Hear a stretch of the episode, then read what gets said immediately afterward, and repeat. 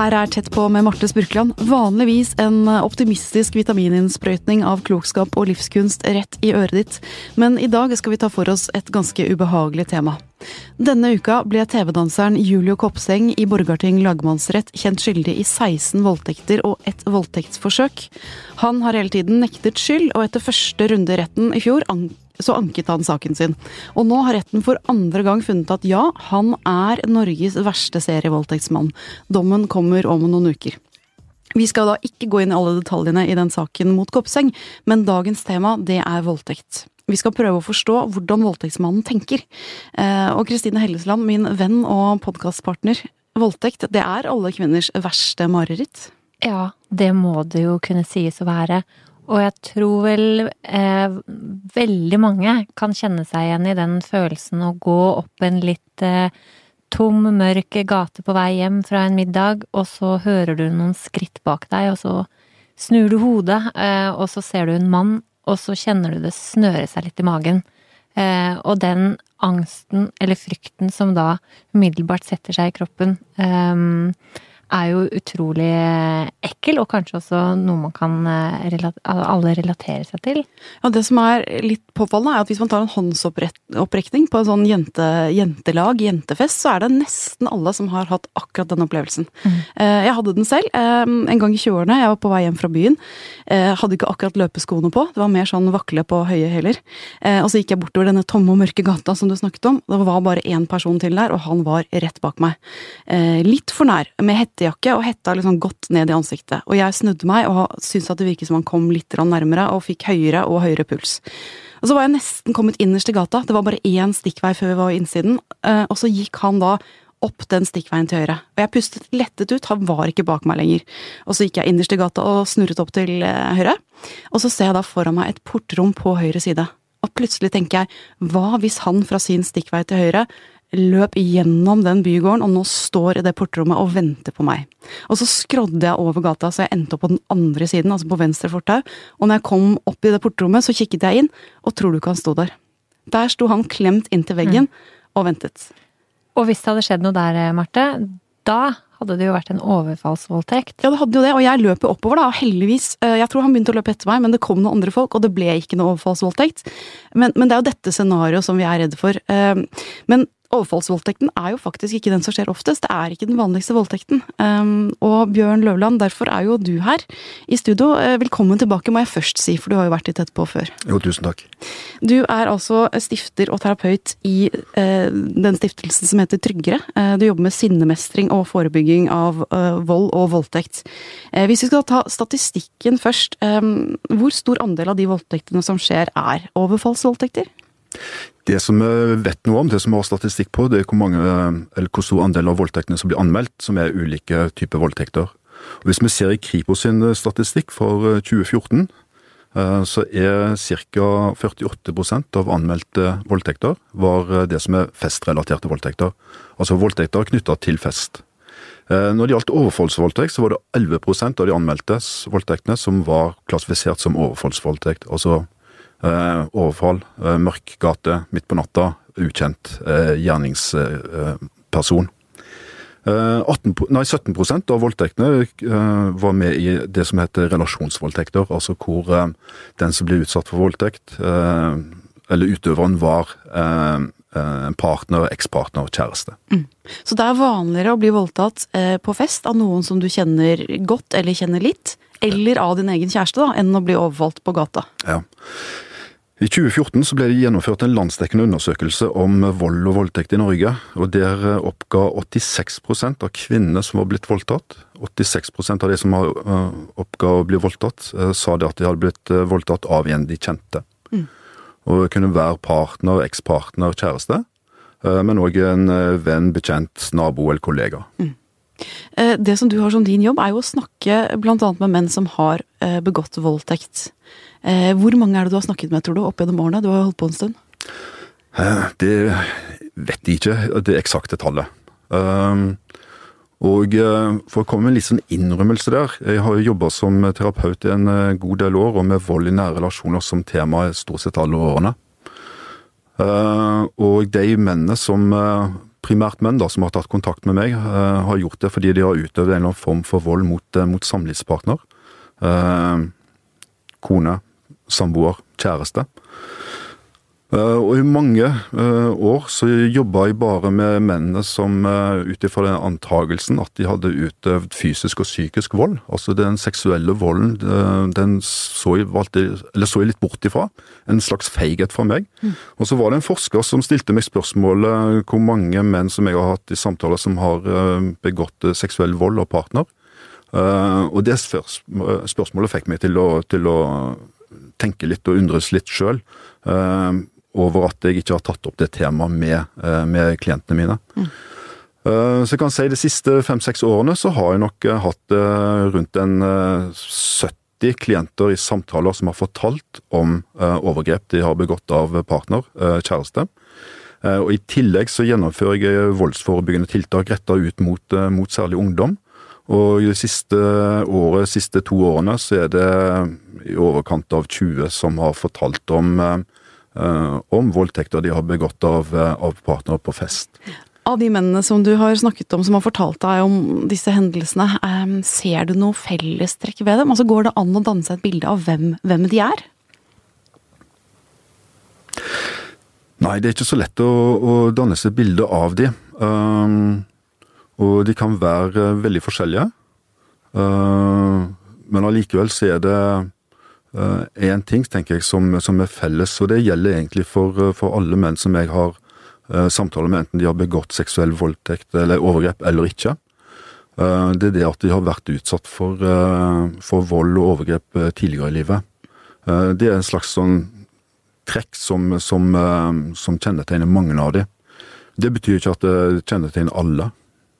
Eh, så de har ofte en bagasje, altså de har opplevd noe selv i livet som gjør dem litt mindre i stand til å se andres grenser og, og følelser, da kanskje? Ja, det, de har en bagasje som, som, er med på å påvirke det. Eh, på hvordan de uh, ser seg sjøl og ser andre i relasjon med seg sjøl. Mm. Du, jeg så at uh, russen i år de har noen knuteregler, uh, og en av dem er nei er nei. Uh, sex mm. uten samtykke er voldtekt. Mm. Det høres så veldig sånn enkelt og banalt ut, selvfølgelig er det det. Men av de mennene som du har snakket med, er det sånn at en del av dem rett og slett ikke skjønner hva et samtykke eller et nei er for noe? Veldig mange er ikke ordentlig bevisst det med samtykke. Og um, jeg tror for mange, særlig unge menn, så, så er de usikre i kjæresterelasjoner. Uh, de har behov for å fremstå så mye tryggere enn det de egentlig er. Uh, og dermed så tenker de at hvis jeg skal spørre om samtykke, så viser jeg en usikkerhet som er en umandig følelse eller opplevelse. Det er litt flaut å spørre er det greit for deg at vi har sex nå? Rett og slett flaut. Og det gjør at de, de unngår, unnlater å spørre. Så kjører de på, og så gir de seg først når de får et tydelig nei. Og får de ikke et tydelig nei, så, så, så fortsetter de. Mm. Det er en historie jeg har hørt flere ganger, det at det er flaut å spørre om, eh, om samtykke. Mm. Du har begynt å skrive ned noen historier du, basert på det som du får høre fra de mennene du snakker med. Eh, hva er din motivasjon for å gjøre det? Ja, den er langt tilbake i tid, egentlig. Um, eh, for det første så er terapeut, jobber med, med vold. Um, og sånn som forskeren stilte det spørsmålet for noen år siden, så, så har det vært viktig for meg å, å begynne å prate med, med de som kommer til samtaler hos meg, uh, om eventuell seksuell vold de har utøvd. Rett og slett fordi uh, vi må ta den volden òg på alvor.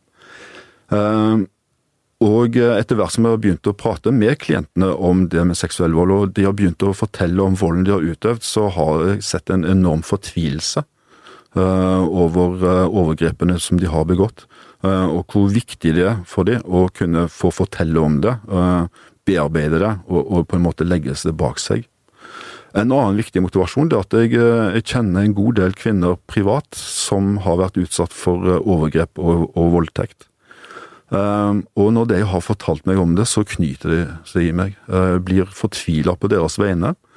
Ehm, og jeg tenker hvis jeg gjennom min jobb med, med utøvere kan bidra til at eh, det blir mindre kvinner som opplever vold og voldtekt, eh, så tenker jeg det er en viktig motivasjon i seg sjøl. Mm. Ehm, og så er jeg i kontakt med mange ungdommer. Og eh, jeg tenker som så at hvis jeg gjennom det budskapet jeg kan formidle deg, kan bidra til at uh, noen ikke begår voldtekt som ellers ville ha gjort det, uh, så tenker jeg det er veldig viktig òg. Mm. Når man leser den type historier, så får man også et innblikk i faktisk hva voldtektsmannen tenker, og det kan man jo lure på. Hva i all verden foregår inni hodet? Mm. Eh, og så vet jeg at de som er eksperter på voldtekt, eller på vold, de sier at de som utøver vold, for dem er det alltid på et eller annet nivå meningsfullt. Mm. Det høres jo merkelig ut. Fortell om det. Ja. Uh, Per Isdal skrev i boka si 'Mening med volden' at uh, all vold er meningsfullt for utøveren, selv om den for andre kan synes uh, uforståelig. Uh, og min erfaring uh, støtter han langt på vei der. Uh, og jeg tenker som så at når vi forstår meningen noen har med volden eller voldtekten, så kan det gi oss verktøy òg til å forhindre og bekjempe den, forebygge, forebygge voldtektene.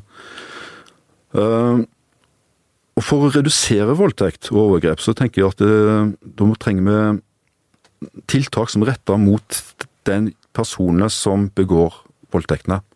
Og Derfor er det så viktig for, for meg å, å, prøve å registrere hva er det de personene har fortalt.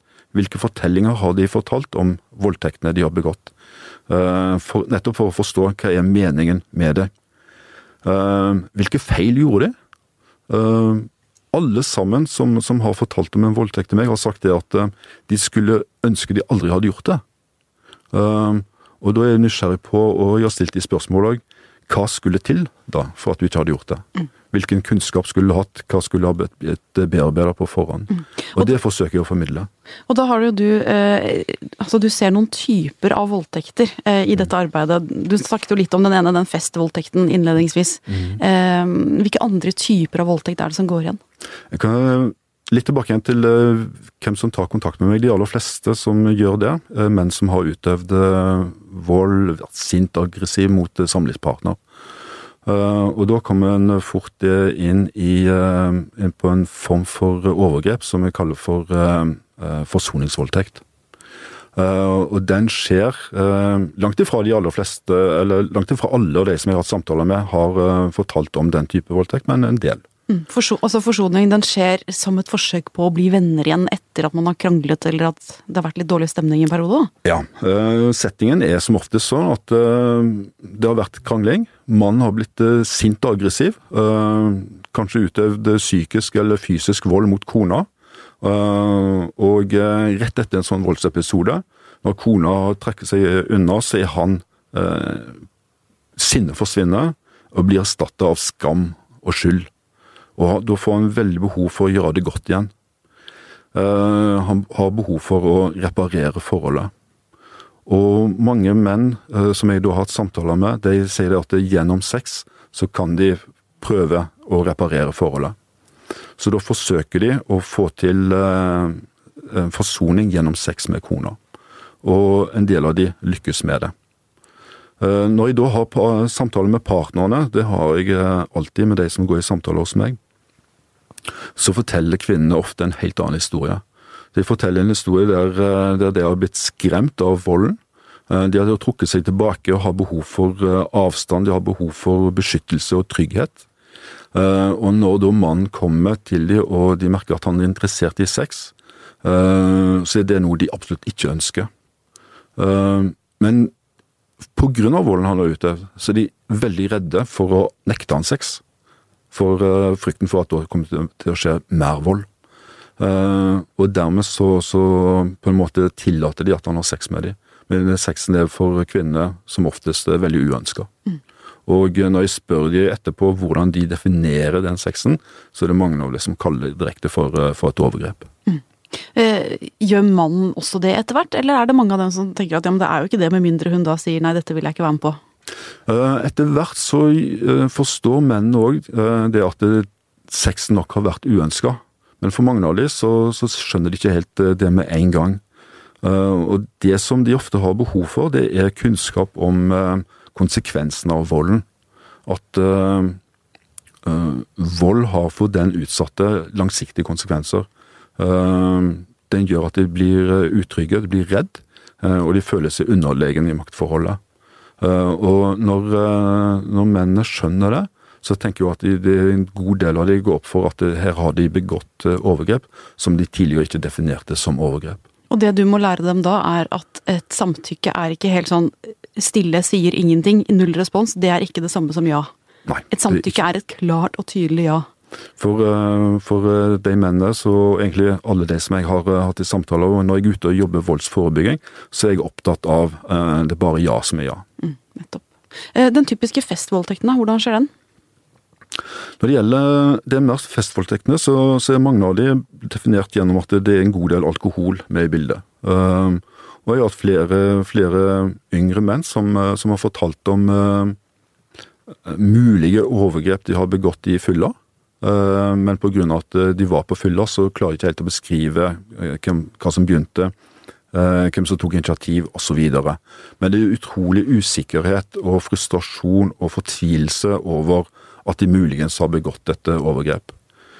Uh, Imidlertid har jeg òg hatt en del eh, yngre menn i samtaler som har begått Som ikke har vært på fylla, men som har begått kanskje det man kan kalle for festvoldtekter likevel. og jeg kaller den type, type voldtekter for Har du sagt A, du, må du si B. Litt sånn populistisk at her er det Ja, en typisk sånn hendelse kan være det at uh, gutt er på fest, uh, får kontakt med jente.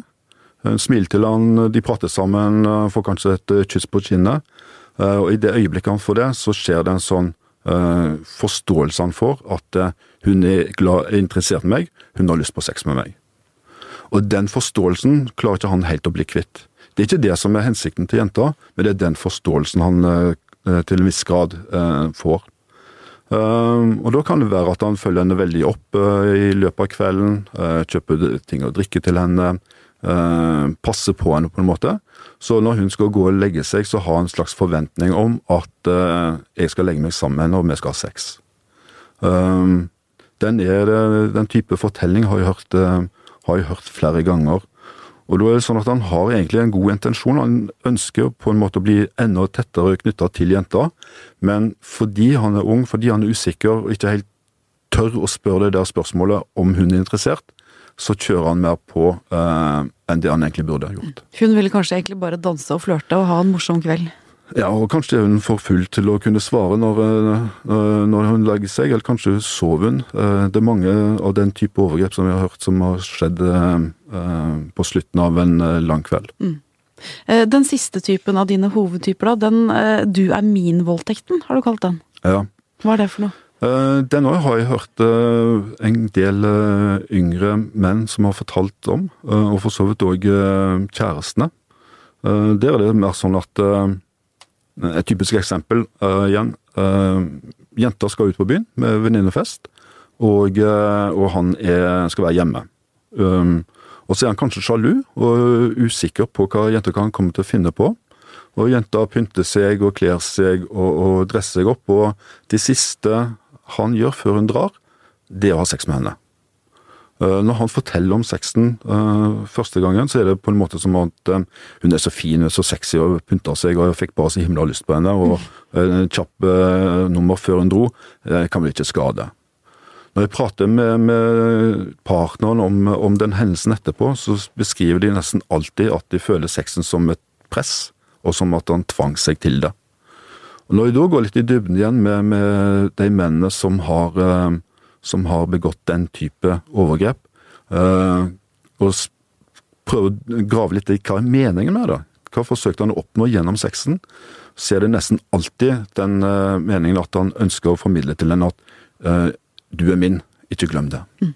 Det er en type kontroll, nærmest? Ja. Det er en, jeg tenker jeg er det veldig tydelig innslag av makt og kontroll for den type overgrep.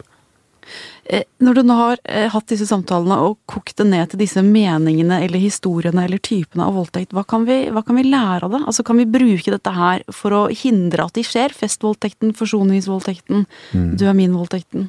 Ja, det finnes noen sånne flere typer som vi har òg. Um, dette er ikke alle. Uh, jeg tenker at det, er viktig å kunne prøve å finne ut hva, hva forsøker de å oppnå gjennom sexen. Um, og gjennom den meningen prøve å finne ut eh, hvordan kan vi bedre forebygge. Ehm, generelt sett så tenker jeg det handler veldig mye om det med eh, evnen til å mentalisere, altså evnen til å se seg sjøl utenfra og andre innenfra. Rett og slett å oppøve empati. Uh, ha mer fokus på, på, partner. Det er veldig mye det handler om. Uh, men det handler òg om det å tørre å spørre om samtykke. Det å, særlig for yngre menn, å vise en sårbarhet, vise usikkerheten, kan gjøre at, at mange overgrep og mange voldtekter vil bli unngått. Eh, det tenker jeg blir viktig. For en del, som jeg fortalte om eh, nå i stad, den du er min-overgrepene, eh, så handler det òg veldig mye om holdninger. Sjalusi. Og når jeg er ute og prater med ungdom og har chat-tilbud for, for ungdom òg, så er det veldig ofte sjalusi som er et tema i kjæresteforhold. Uh, og det å kunne prate med ungdommene og kunne få dem til å bearbeide sjalusien, tenker jeg òg er viktig. Og så blir det det med holdningene. Uh, har en rett til sex, egentlig, i et kjæresteforhold? Tja. Eh, kanskje når i hvert fall eh, begge vil. Det må jo være svaret på det. Mm. Eh, og så tror jeg som fra kvinnehold at vi i hvert fall kan, kan, slå fast at eh, vi damer vi liker mye bedre menn som spør en gang for mye enn en gang for lite. Mm. Jeg tenker også det, er sånn erfaring som, eh, som, mange kommer med. At det å spørre det har vært en god uh, erfaring for dem. Og Da har de fått ja eller de har fått nei, men i hvert fall så, så opplever de at, at spørsmålet blir tatt imot med respekt. Mm.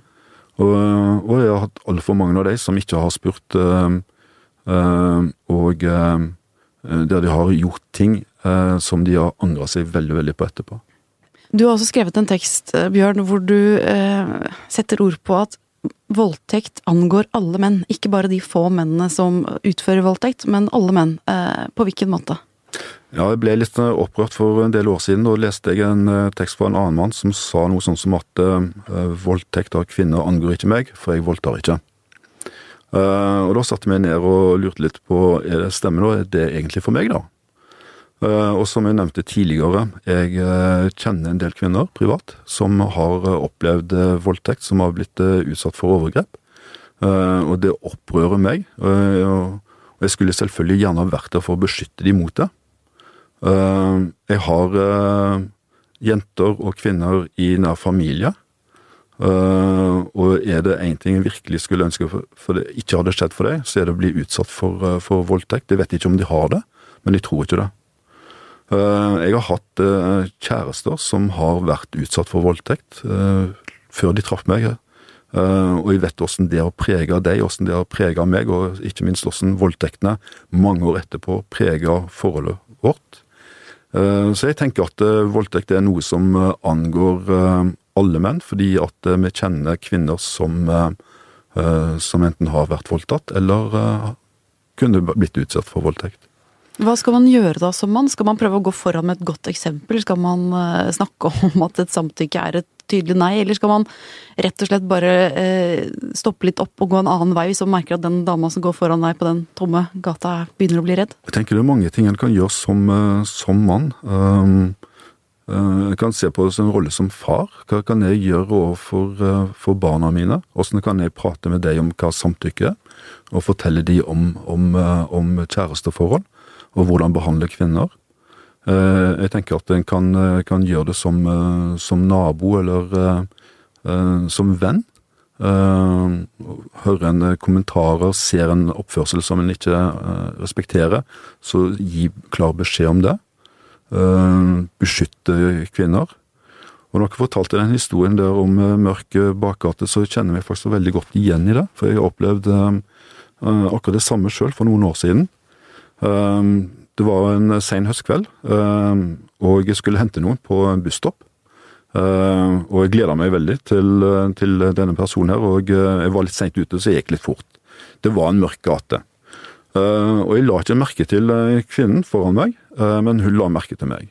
Og jeg la først merke til henne når jeg var tett opp til henne, at hun faktisk var redd meg. Hun begynte å gå fortere, snudde seg og kikka bak på meg, og, og, og først da stansa jeg opp og tenkte at hun er redd meg fordi at jeg er mann og jeg går fortere enn henne. Så jeg skrådde over på andre siden av, eh, av veien uh, for liksom å skape den avstanden, og da så jeg at hun, hun slappa av. Uh, og jeg tenker at det, det, det, gjorde et inntrykk på meg å oppleve at en kvinne var redd meg fordi at jeg er mann.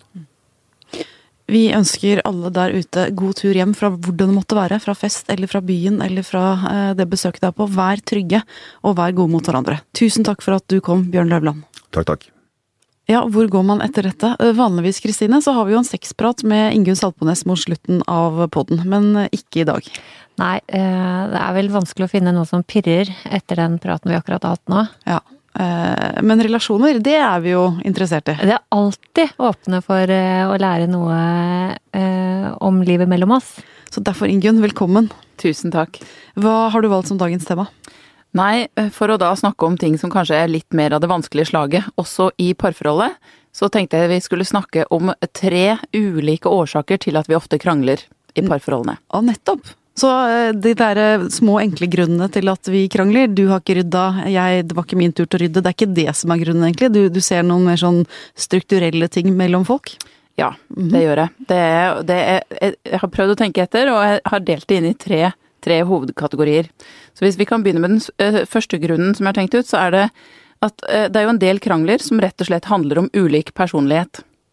Eh, At den ene er utadvendt, den andre er innadvendt. Den ene er grunnleggende rotete, den andre er ikke. Altså, den ene har lyst til å bo i marka, den andre har lyst til å bo i byen. Altså disse her grunnleggende tingene som rett og slett skyldes at de bare er forskjellige. Der må man jo på en måte virkelig bare gå i seg sjøl og skjønne at dette blir vi aldri enige om. Altså dette, dette er en krangel som liksom man, det kan ikke løses på annet vis enn at man må kompromisse og bare respektere at den andre er forskjellig fra deg. Så der er tipset rett og slett gi opp, dette får du ikke gjort noe med. Ja, du må gi opp. Eh, Altså, du, spesielt kvinner er jo helt fæle på det der å tro at ja, men eh, bare når jeg får bearbeida litt, så skal vi nok se at vi får forandra han. Eh, kvinner, slutt med det. Ja. Han kommer ikke til å forandre seg, så dette må du enten leve med, eller så må du bare på et tidlig tidspunkt si at ja, men det våre personligheter er så forskjellige på dette at det, det, det, det orker vi ikke. Åh, det sitter langt inne, og særlig hvis man er litt hisse, kjenner jeg. Men ok, jeg skal notere den. Eh, kanskje jeg trenger å gjøre nettopp det. Eh, Grunn nummer to. Eh, grunn nummer to, det er jo det som du var litt sånn inne på, altså det der med når man krangler om oppvasken. Handler det da egentlig om oppvasken? Eh, og med mindre det da handler om en sånn veldig grunnleggende personlighetsting, så vil jeg påstå at det gjør det sjelden. Eh, veldig ofte så er det sånn at når man, når man krangler om disse daglige tingene eller filleting, eh, så handler det egentlig om at det er tilknytningssystemet vårt som har blitt aktivert. Fordi hvis man er i et parforhold, så er, det, så er vi jo så da, er- da har liksom mor eller far, eller den tilknytningspersonen fra barndommen, har blitt erstatta av partner. Det vi virkelig trenger eh, fra partner, er en trygghet for at partner elsker oss, er der for oss, er der når det røyner på, som Sissel Gran sier. Eh, og hvis du på en måte føler da at partneren, du blir utrygg med det, du blir usikker, er jeg virkelig elsket? Er jeg elsket som jeg er? Kommer du til å stille opp for meg når jeg, når jeg trenger det? Altså at det blir som en sånn un, Det trenger ikke være bevisst tanke engang, det kan være underbevisst. Du har blitt litt usikker på det. Og da blir oppvasken litt sånn 'Å, du tok ikke oppvasken, du bryr deg ikke om meg'. Ja. ja. Da blir det symbolet på det. Så da føles det som at du ikke blir respektert, at du ikke blir eh, tatt vare på, eh, at den andre ikke ser deg. Og så, og så er det også det at det, det å på en måte være usikker på at du er elsket, det gjør at du blir Altså du, du, du blir på mange måter som et barn igjen. Altså du, du klarer ofte da ikke å kontrollere de følelsene som kommer. Sånn at den, den reaksjonen som du har da på at oppvasken ikke er tatt, den står liksom ikke i forhold til oppvasken. Det kan bli så voldsomt, og det kan ofte bygge seg opp litt over tid, og det blir gråt, og det blir anklager, og det, det blir så stort. Så det tenker jeg at når folk opplever det, at de har fått noen sånne mønstre, og at de kanskje nettopp skjønner sjøl at ja, men liksom reaksjonen står ikke helt i forhold til hva vi egentlig snakker om her, da bør man virkelig sette seg ned og prøve å forstå hva er det det egentlig handler om. Eh, og en, en ting til som er ganske viktig der, det er at eh, man veldig ofte eh, kommer da inn eh, i mønsteret styrt av hvilken på en måte tilknytningsstil du har hatt som barn. Om du på en måte får en eh, eh, Om du har hatt en trygg eller utrygg eller ambivalent eh, oppvekst. Eh, for da vil eh, den ene partneren vil ofte bli litt sånn på. Sant? Følge etter. 'Ja, men du har ikke tatt oppvasken, og du hører ikke på meg.' Ikke sant? Og den andre opplever det veldig som kritikk, og flykter unna. Ja. Så du får ofte en pågående unnvikende part. Ok, Så du må skjønne hvordan du reagerer, og hva dette handler om. Ja. Eh, ok, type krangel nummer tre. Eh, krangel nummer tre, det er jo på en måte den eh, aller mest, depres mest depressive. For det handler jo om eh, når du har en partner som forakter deg, eh, og som ikke vil deg vel, rett og slett.